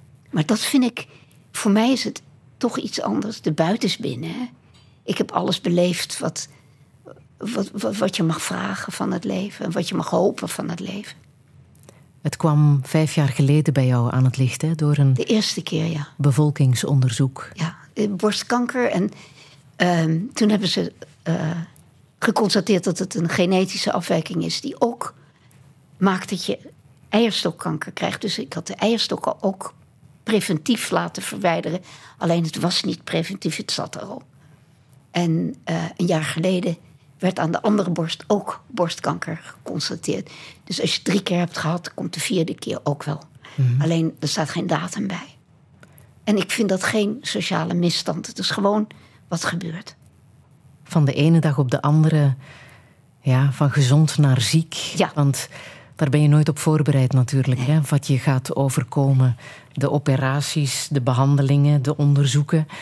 Hoe ben je daar al die tijd mee omgegaan? Ik heb als een gestrande walvis op de bank gelegen om te bekomen van alle ingrepen. Alleen het was coronatijd. Niemand heeft het gemerkt. En dus ik, ik schoot niet tekort. Maar ik had nul energie. En net toen ik overeind begon te krabbelen, begon de andere borst. En was het weer hetzelfde. Alleen ik ben nu iets sneller weer onder de mensen dan toen. En ik ben heel dankbaar dat ik er nog ben. Wat Alleen- vond je het moeilijkst? Eh, ik, ik ben iemand. Ik, ik was nooit moe. Ik had eh, grenzeloze energie. Ik kon altijd. Ik, zei- ik zei nooit: eh, nee, ik moet even zitten. Ik wist niet eens dat ik een bank had. En ineens lag ik daar. Dus dat vond ik het moeilijkste. En nu ben ik blij met alles wat een beetje meevalt, wat beter gaat. En er bestaat niet een loket waar je kunt bedanken, maar anders zou ik het doen. Kon jij kiezen welke behandelingen je wel en niet? Een beetje wel. Ja? Ik heb de chemo weten af te wenden. Je krijgt een mammogram. Dan kunnen ze zien of je high risk, het gaat in het Engels, of low risk bent. En ik was high risk. En toen heb ik gevraagd, maar ja, maar hoeveel risico dan? Toen ben ik samen met de oncoloog op eh, de statistiek gaan kijken. Op het balkje van hoeveel risico. En ik was van de hoge risico, was, viel het nog wel mee. En toen zei ik, wat, wat zul je nou van een toenmalig 68-jarige bejaarde een wrak maken? Terwijl, als, ik, als we het niet doen, dan herstel ik misschien sneller. Toen zei er valt wat voor te zeggen. En dat kon. hij, hij zei niks, want hij mocht natuurlijk niet zeggen. Maar toen ik zei, jij mag dat natuurlijk niet zeggen, maar eh, zou je het heel stom vinden? En toen krulde er een klein glimlachje om zijn mondhoek. Toen wist ik dat ik gelijk had. Ja. Vond je dat moeilijk om zo'n beslissing te nemen? Nee, Jij was heel overtuigd. ik dacht, nou, dan kan het fout gaan. Maar het kan toch fout gaan. En dat gaat natuurlijk ook fout. Alleen niet vandaag. Waar andere mensen heel van, lang voor op een yogamatje moeten zitten. Dat kon ik meteen. Vandaag is vandaag. En je moet niet, niet te ver vooruit kijken, daar heb je niks aan. Wat helpt echt voor jou? Ehm, ja, die gedachte. eh, ik, ik word ook gedragen door mijn vriendenkring. En eh, eh, een goede relatie helpt ook heel erg. Ehm, en gewoon weten dat, je, dat, dat jengelen niet helpt. Dat helpt gewoon niet. Dan haal je alleen maar... Je, je maakt het naar voor iedereen. Het heeft ook zijn voordelen Ja. als je zo dicht bij de confrontatie hebt gestaan. Hè? Ja, Ja. ik begrijp mijn schoonzus heel goed. Die is waanzinnig flink, heel dapper. En moed helpt. Ja. Dat je ten strijde, niet tegen de kanker, maar tegen de teleurstelling dat je kanker hebt gekregen. Want tegen kanker kan je niet vechten. Je hebt een boek geschreven, De Tietenbus, De tietenbus. voor laaggeletterden, Ja, over jouw kanker. Toen ik ziek werd, zei iedereen: Oh, dan ga je natuurlijk over kanker schrijven. Toen zei ik: Nee, dat dacht ik niet. Want je kunt grachten dempen in Amsterdam met boeken over kanker. En toen ineens dacht ik: Wacht even, maar voor de lage letterden is er niks. Dat ga ik schrijven. Dus ik heb een, een, eh, een, een verhaal geschreven, een boek, boekje. En dat heet de Tietenbus. Titel leg ik zo uit. Eh, voor lage letterden, heel makkelijk te lezen. En het heet zo omdat je in Nederland rijdt een bus rond, de Mammobiel, die, eh, waar je, waar je eh, het onderzoek krijgt. En niet in alle steden, maar zodat iedere Nederlandse vrouw heeft toegang tot het onderzoek vanaf de 50ste jaar. Maar niemand noemt het de Mammobiel, iedereen zegt de Tietenbus. En de nette mensen zeggen de borstenbus. En daar kan je inderdaad dat onderzoek laten doen. Ja. En zo is het ook bij jou gegaan. Ja. En dan leg je uit met heel simpele woorden wat al die moeilijke termen waar dokters over praten, want die spreken een soort dokterslatijn. En Als je elke wat het dag- echt betekent. Hè? Als je elke dag werkzaam bent in een ziekenhuis, dan vind je al die termen heel gewoon. Maar de meeste vrouwen die daar komen met borstkanker, die komen voor het eerst. En die zijn zo onder de indruk van de narigheid dat ze niet eens kunnen luisteren. En al helemaal niet naar moeilijke woorden. Was dat bij jou ook zo? Heb je daar ook termen te horen gekregen waarvan je dacht, Nee, leg eens uit? nee, nee, ik wist het Nee. Ja. Ja, ik heb mijn zus natuurlijk meegemaakt. En ik heb die medische belangstelling. En eh, ik wilde ook niemand mee eh, naar, naar eh, de ziekenhuizen. Omdat ik dacht, dan moet ik... Die willen mij dan helpen. En dan moet ik zorgen dat ik zielig genoeg ben om het de moeite waard te maken. En pff, Dat, Mhm. dat ga ik allemaal niet doen. Ik ben veel beter in mijn eentje. Ja, maar je raadt het mensen wel aan, hè? Neem iemand mee. Dan Andere je een mensen ander paar anders. oren Ja. die kan eh Ja, dit is gewoon gekkigheid van mij. Dat ik altijd denk van het moet wel een beetje leuk voor een ander zijn. Maar hoe gaat het nu? Ik ben eh, veel flinker dan een half jaar geleden. Mhm. En eh, ik had nooit verwacht dat ik hier nog eens zou zitten. Ik dacht dat dat allemaal achter me lag. En ik vind het erg leuk dat ik weer een beetje mee mag doen. Ja, ik vind het ook leuk.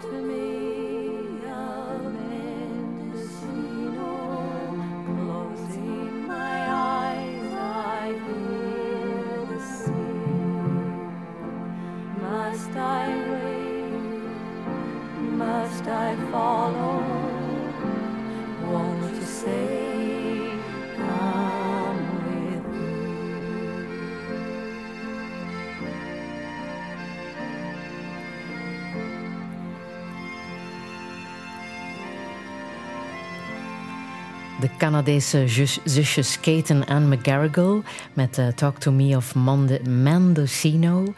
Yvonne Kronenberg, het is een prachtig nummer, hè? Ik vind heel vaak liedjes over steden of plaatsen vind ik mooi. Omdat er altijd een verlangen in doorklinkt. En dat vind ik een mooie emotie. Ben jij ooit in Mendocino geweest? Ja, er vlakbij. Ja? Ja, ik heb een, eh, ooit een rondreis. Tenminste, Toen ik in Amerika was, ben ik ook in Californië geweest. En, eh, wat zo bijzonder is, zij hebben ook lang in eh, New York gewoond. En daar gaat de, de zon komt uit de zee. In Mendocino zakt die in de zee. En is het de moeite, Mendocino? Nou, weet je. eh, ik, nee, ik heb het niet. eh, Californië is in zijn geheel prachtig. Maar je moet wel een beetje tegen harde stemmen kunnen. Ja. Al die Californiërs die hebben keiharde stemmen. Mhm. Vooral de vrouwen. Maar liever een lied over een stad dan over de liefde. Ja, dat, dat, ja ik hou niet van eh, liefdesliedjes. Omdat sommige emoties zijn zo moeilijk te delen. En eh, rouw is ook een moeilijk deelbare emotie trouwens. Dat is als je... eh, om, om- de- de- ik weet niet precies hoe het komt, maar als iemand anders verliefd is, dan denk je ja, ja, het is me wat. Maar je kunt het maar heel moeilijk meevoelen. En al die popmuziek gaat allemaal over... ik hou van jou, ik blijf je trouw. Ja, ik ga daar niet in mee. Maar het verlangen naar een stad, naar een plaats... dat ken ik. en daar ga ik zo mee. Ja. Ja. Liefde, wat is dat? Liefde, ach, ehm, het is heel goed als je, als je die kunt voelen, maar het is heel zonde als je hem beperkt tot alleen mijn eigen kinderen of alleen die persoon of alleen mijn eigen hond. Ik vind eigenlijk dat liefde heel universeel moet zijn. Het moet een emotie zijn waarvan je, die je uitdeelt als snoepjes in een puntzakje. Jij bent nog niet zo heel erg lang geleden getrouwd, hè? Dat is met zelfs met, met wie ik al 40 jaar ben, Jo- Joep de Timmerman. Ehm, dat was omdat ik ziek werd en, en dacht, ja, dit, dit houdt op, ik ga dood. En dan heeft hij niks. En ik wil dat hij alles wat, eh, wat ik heb eh, verzameld of eh, wat ik heb weten te veroveren in het leven, wil ik met hem delen. Tenminste met hem. En daarom zijn we getrouwd. Maar het is ook heel leuk, het huwelijk. Ik had Ja? niet verwacht dat ik het zo leuk zou vinden. Nee, want je hebt ooit gezegd, ehm, als je geen huwelijk hebt, kan het ook niet kapot. Nee, dat is ook waar. maar dit gaat niet. Maar in dit geval Nee, daar zijn we nou oud voor. Ja. Ben jij getrouwd? Ik ben niet getrouwd. Nee. nee. Maar je zegt, ik vind het toch wel goed. Wat, wat eh, verandert het als je getrouwd bent? Het heeft iets onvoorwaardelijks. Want je staat voor een instantie sta je te zeggen... wat privé is, is nu wettelijk vastgelegd. En wordt bewaard in Almelo. Nou, dat, als dat geen goede plek is... Ja. Maar er is, dat zei je zo net al, er is een ijstijd geweest. Hè? In die Ja. 40 jaar relatie die je hebt met, eh, met Joep. dat overkomt veel relaties. Dat op een gegeven moment, wat je vaak in gezinnen ziet, dat is op het moment dat de kinderen in de puberteit zijn, eh, de, de, de ouders hun peno- of menopauze be- beleven en het professioneel soms minder goed gaat. Dat je voorbijgestreefd wordt door 30-jarige jonge vrouwen. En dat, dat kan een verwijdering geven. En als je met z'n allen in een huis woont, eh, wil zo'n ver- verandering wel eens een ijstijd opleveren. Maar sommige mensen kunnen niet uit elkaar. En dan gaan ze elkaar alleen maar een beetje lopen haten. Joep en ik konden heel makkelijk uit elkaar, omdat we niet samen woonden.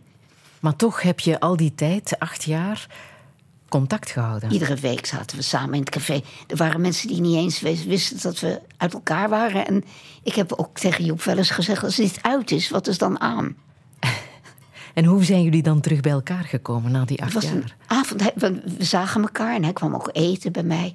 En ik had gasten uitgenodigd en we hadden het ergens over. Ik stond in de keuken, maar het is een open keuken. Toen kwam ik achter Joep staan en legde mijn handen op zijn schouder. Terwijl ik iets zei. En was het er weer. Of mijn handen brandden. Hij keek op en ik keek zo naar het putje van zijn ziel. En ik dacht, het is er weer. Mhm. En toen hebben we stiekem staan zoenen. Kan je zeggen hoe anders het dan nu is? Hoe komt het dat jullie nu het weer leuk hebben samen en toen niet? Dat is een van de goede dingen van de ouderdom. Dat je niet de hele tijd over iemands schouder staat kijken of er no- nog iets leukers voorbij komt.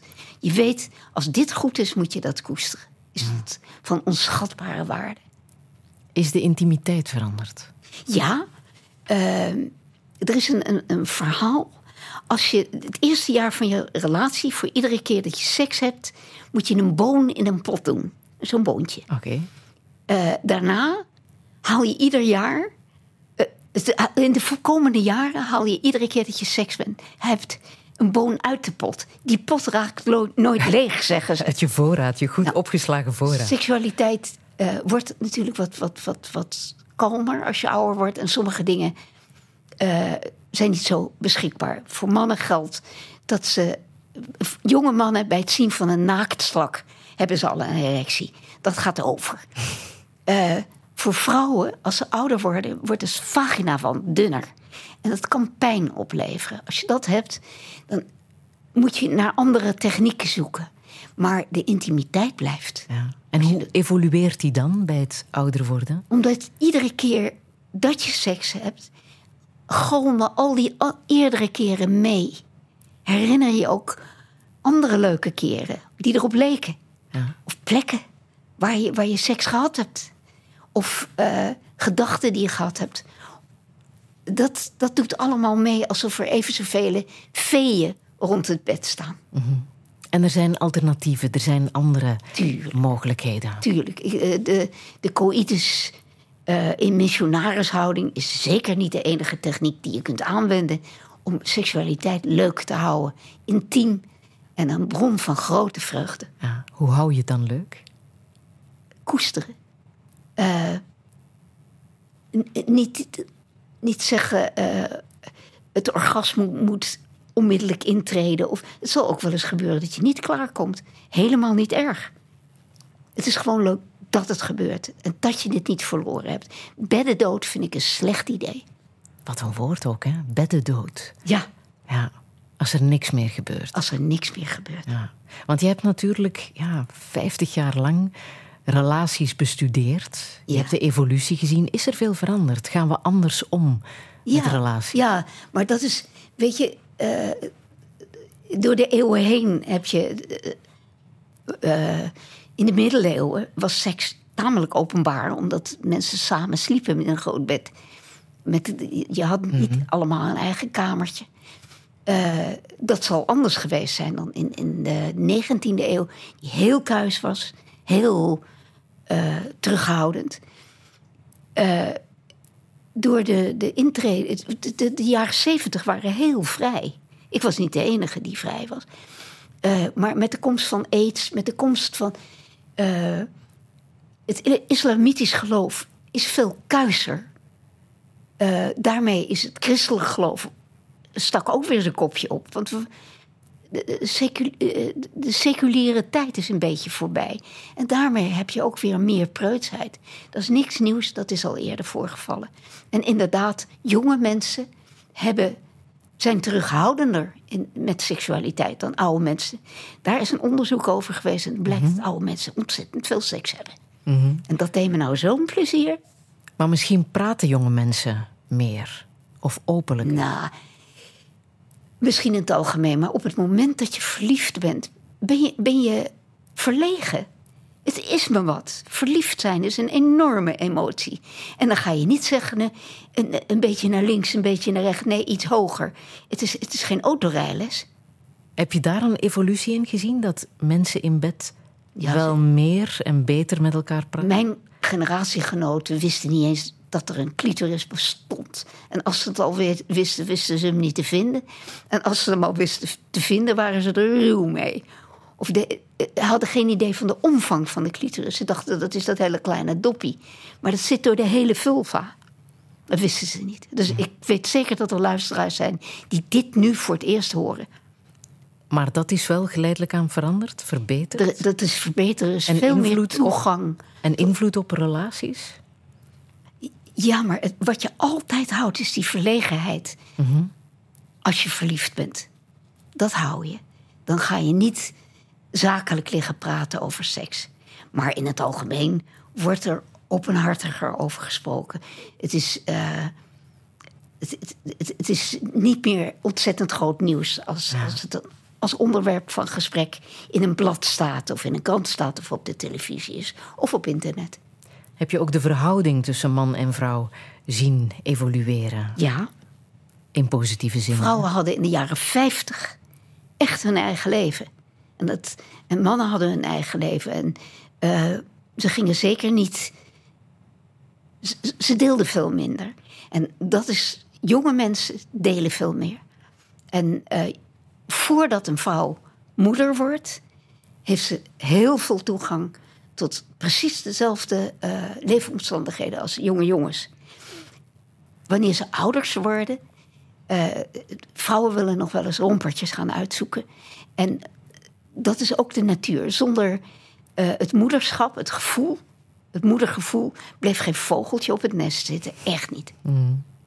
Vind jij jezelf een feministe? Ik vind ook heel veel mannen een feminist hoor. Eh, ik definieer het tamelijk breed. Ik vind mannen en vrouwen verschillen in een hoop dingen. Er zijn ook heel veel overeenkomsten. En ik gun ze allebei een kijkje in elkaars leven. Ja, want je vindt het heel prettig als een man de band van jouw auto vervangt. Hè? Nou zeg ik, vieze handen. Laat dat maar aan mannen over. Nee, dat vind ik ook. Maar ik vind het ook heel zielig voor mannen dat ze Ja. dat moeten doen. En ik vind het. eh, eh, ik vind mannen heel leuk. Ik vind vrouwen heel leuk. En ik vind als ze elkaar begrijpen. eh, dat lijkt me een verrijking. Ja. En je doet gewoon in het leven wat je het leukste vindt. Als je graag kookt, dan kook je graag. Ja, natuurlijk. En maakt het niet uit of je nu maar man dat of is ook het voorrecht van de ouderdom. Je Mhm. mag zoveel. Ja. Wie kookt er bij jullie thuis? Ik, eh, Ja. Oh, the rock on the line, it's a mighty good road. Oh, the rock on the line, it's a road to ride. Oh, the rock on the line, it's a mighty good road. If you want to ride, you got to ride it like you find it. Get your ticket at the station on the rock on the line. Jesus died to save our sins. Glory to God, we're going to meet him again. Oh, the rock on the line is a mighty good road. Oh, the rock on the line is a road to ride. Oh, the rock on the line is a mighty good road. If you want to ride, you got to ride it like you find it. Get your ticket at the station on the rock on the line. Yes, a A, B, C, double X, Y, Z. Cats in the couple, but they can't see me. On the rock on the line is a mighty good road. On the rock on the line is a road to ride. On the rock on the line is a mighty good road. If you want to ride, you got to ride it like you find it. Get your ticket at the station on the rock on the line. I may be right and I may be wrong. Know you're going to miss me when I'm gone. Oh, the rock on the line is a mighty good road. Oh, the rock on the line is a road to ride. Oh, the rock on the line is a mighty good road. If you want to ride, you got to ride it like you find it. Get your ticket at the station on the rock on the line. Yes, A, B, C, double X, Y, Z. Cats in the couple, but they can't see me. On the rock on the line is a mighty good road. On the rock on the line is a road to ride. On the rock on the line is a mighty good road. If you want to ride, you got to ride it like you find it. Get your ticket at the station on the rock on the line. Jesus died to save our sins. Glory to God, we're going to meet him again. On the rock on the line is a mighty good road. On the rock on the line it's a road to ride. On the rock Island the line is a mighty good road. If you want to ride, you got to ride it like you find it. Get your ticket at the station on the rock Island line. I may be right and I may be wrong. Know you're going to miss me when I'm gone. On the rock Island line is a mighty good road. On the rock Island line is a road to ride. On the rock Island line is a mighty good road. If you want to ride, you got to ride it like you find it. Get your ticket at the station on the rock Island line. Jesus died to save our sins. Glory to God, we're going to meet him again. On the rock the line is a mighty good road. On the rock the line is a road to ride. On the rock the line is a mighty good road. If you want to ride, you got to ride it like you find it. Get your ticket at the station on the rock the line. Prachtig nummer is dit, hè? Ja. Lead Belly met een oud volksliedje, Rock Island Line. Yvonne Kronenberg, jij weet er meer over. Ja, hij heette eigenlijk Huddy Ledbetter. En, en, maar hij noemde zichzelf Ledbelly. Hij kwam uit, eh, eh, uit een gebied waar ik vlakbij op school heb gezeten in Amerika, Shreveport. En eh, hij is de kleinzoon van een tot slaaf gemaakte vrouw natuurlijk. En het, mooie van dit nummer, er komt geen instrument in voor. Zwarte mensen werkten op de katoenvelden en zongen. En zongen hun geschiedenis. En dat deed hij ook. En mijn vader bracht Led Belly mee uit Amerika. En ik heb natuurlijk liggen marineren in die cultuur. Ja. Ben je nog teruggegaan naar Amerika? Ja, twee keer. En ik heb een, eh, ben speciaal teruggegaan. Ik was dus van de hippies. En ik ben speciaal teruggegaan om hun te...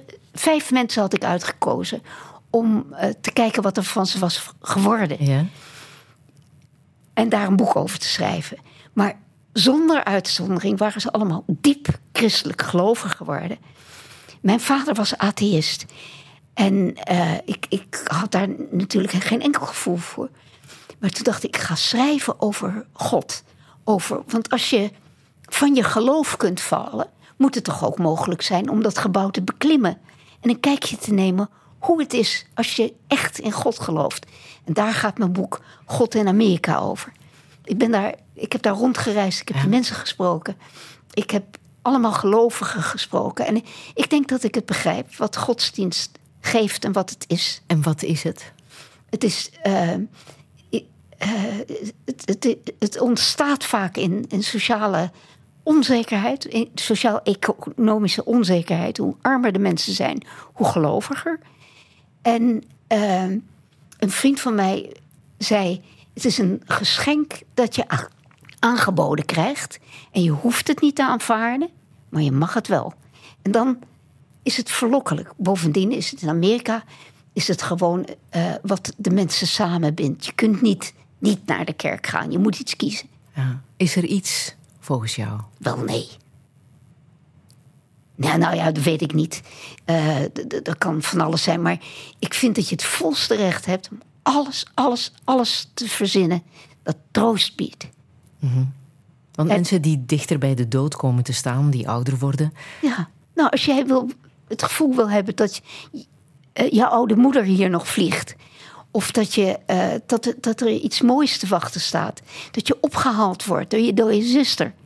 En je hond. Dat is mijn fantasie. Eh, dat vind, dat, daar is niets tegen. Waarom zou, waarom zou je alleen maar mogen zeggen wat, wat de, de toets van de wetenschap heeft doorstaan? Dat hoeft niet. En zeker niet zoiets abstracts als dood. En je mag alles geloven wat je wil. En het, het kan vaak geen kwaad. Het kwaad kan het pas als er lelijke verboden bij. Als, als meisjes niet meer naar school mogen. Omdat dat niet zou mogen van God.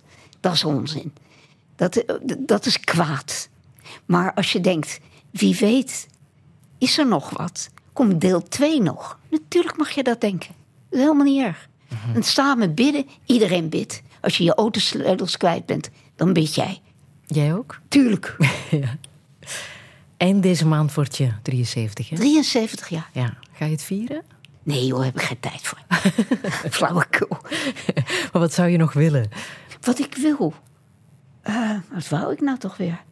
Nou, ik wil gewoon in mijn volkstuin een beetje aanmodderen. En eh, ik hoop dat, dat de mensen die nu ziek zijn nog lang bij ons blijven. En, eh, maar ik hoef niks. Ik, er is niets waarvan ik denk, dat heb ik nog niet gekregen. Ik heb alles gekregen. En ik ben heel erg blij. En dat volkstuintje, dat helpt, hè? Nou, dat, dat is geld voor iedereen. Met je handjes in de aarde, daar knap je van op. Ja. Ja. Ik heb nog eh, een nummer van de Rolling Stones. Cherry O Baby. Ja, ik hou helemaal niet van eh, popmuziek, maar dit is ook bluesachtig. En wat ik er zo mooi aan vind, dat zijn de tegenmaten. Dus dat, je, dat het, eh, het accent ligt niet op de eerste van, de, van, van het, het stukje, maar op het tweede. En het is heel mooi.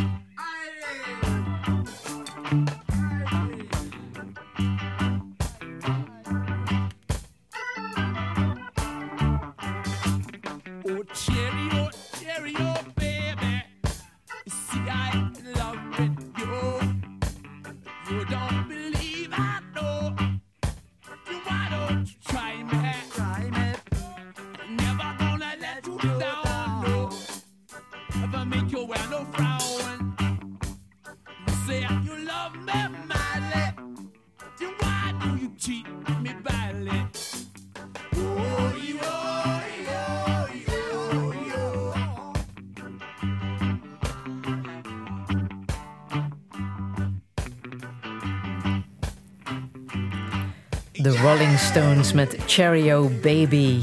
Met dank aan eh, Yvonne Kronenberg. Volgende week verwacht ik hier de directeur van de Roma in Antwerpen. Dat is Danielle Dieriks.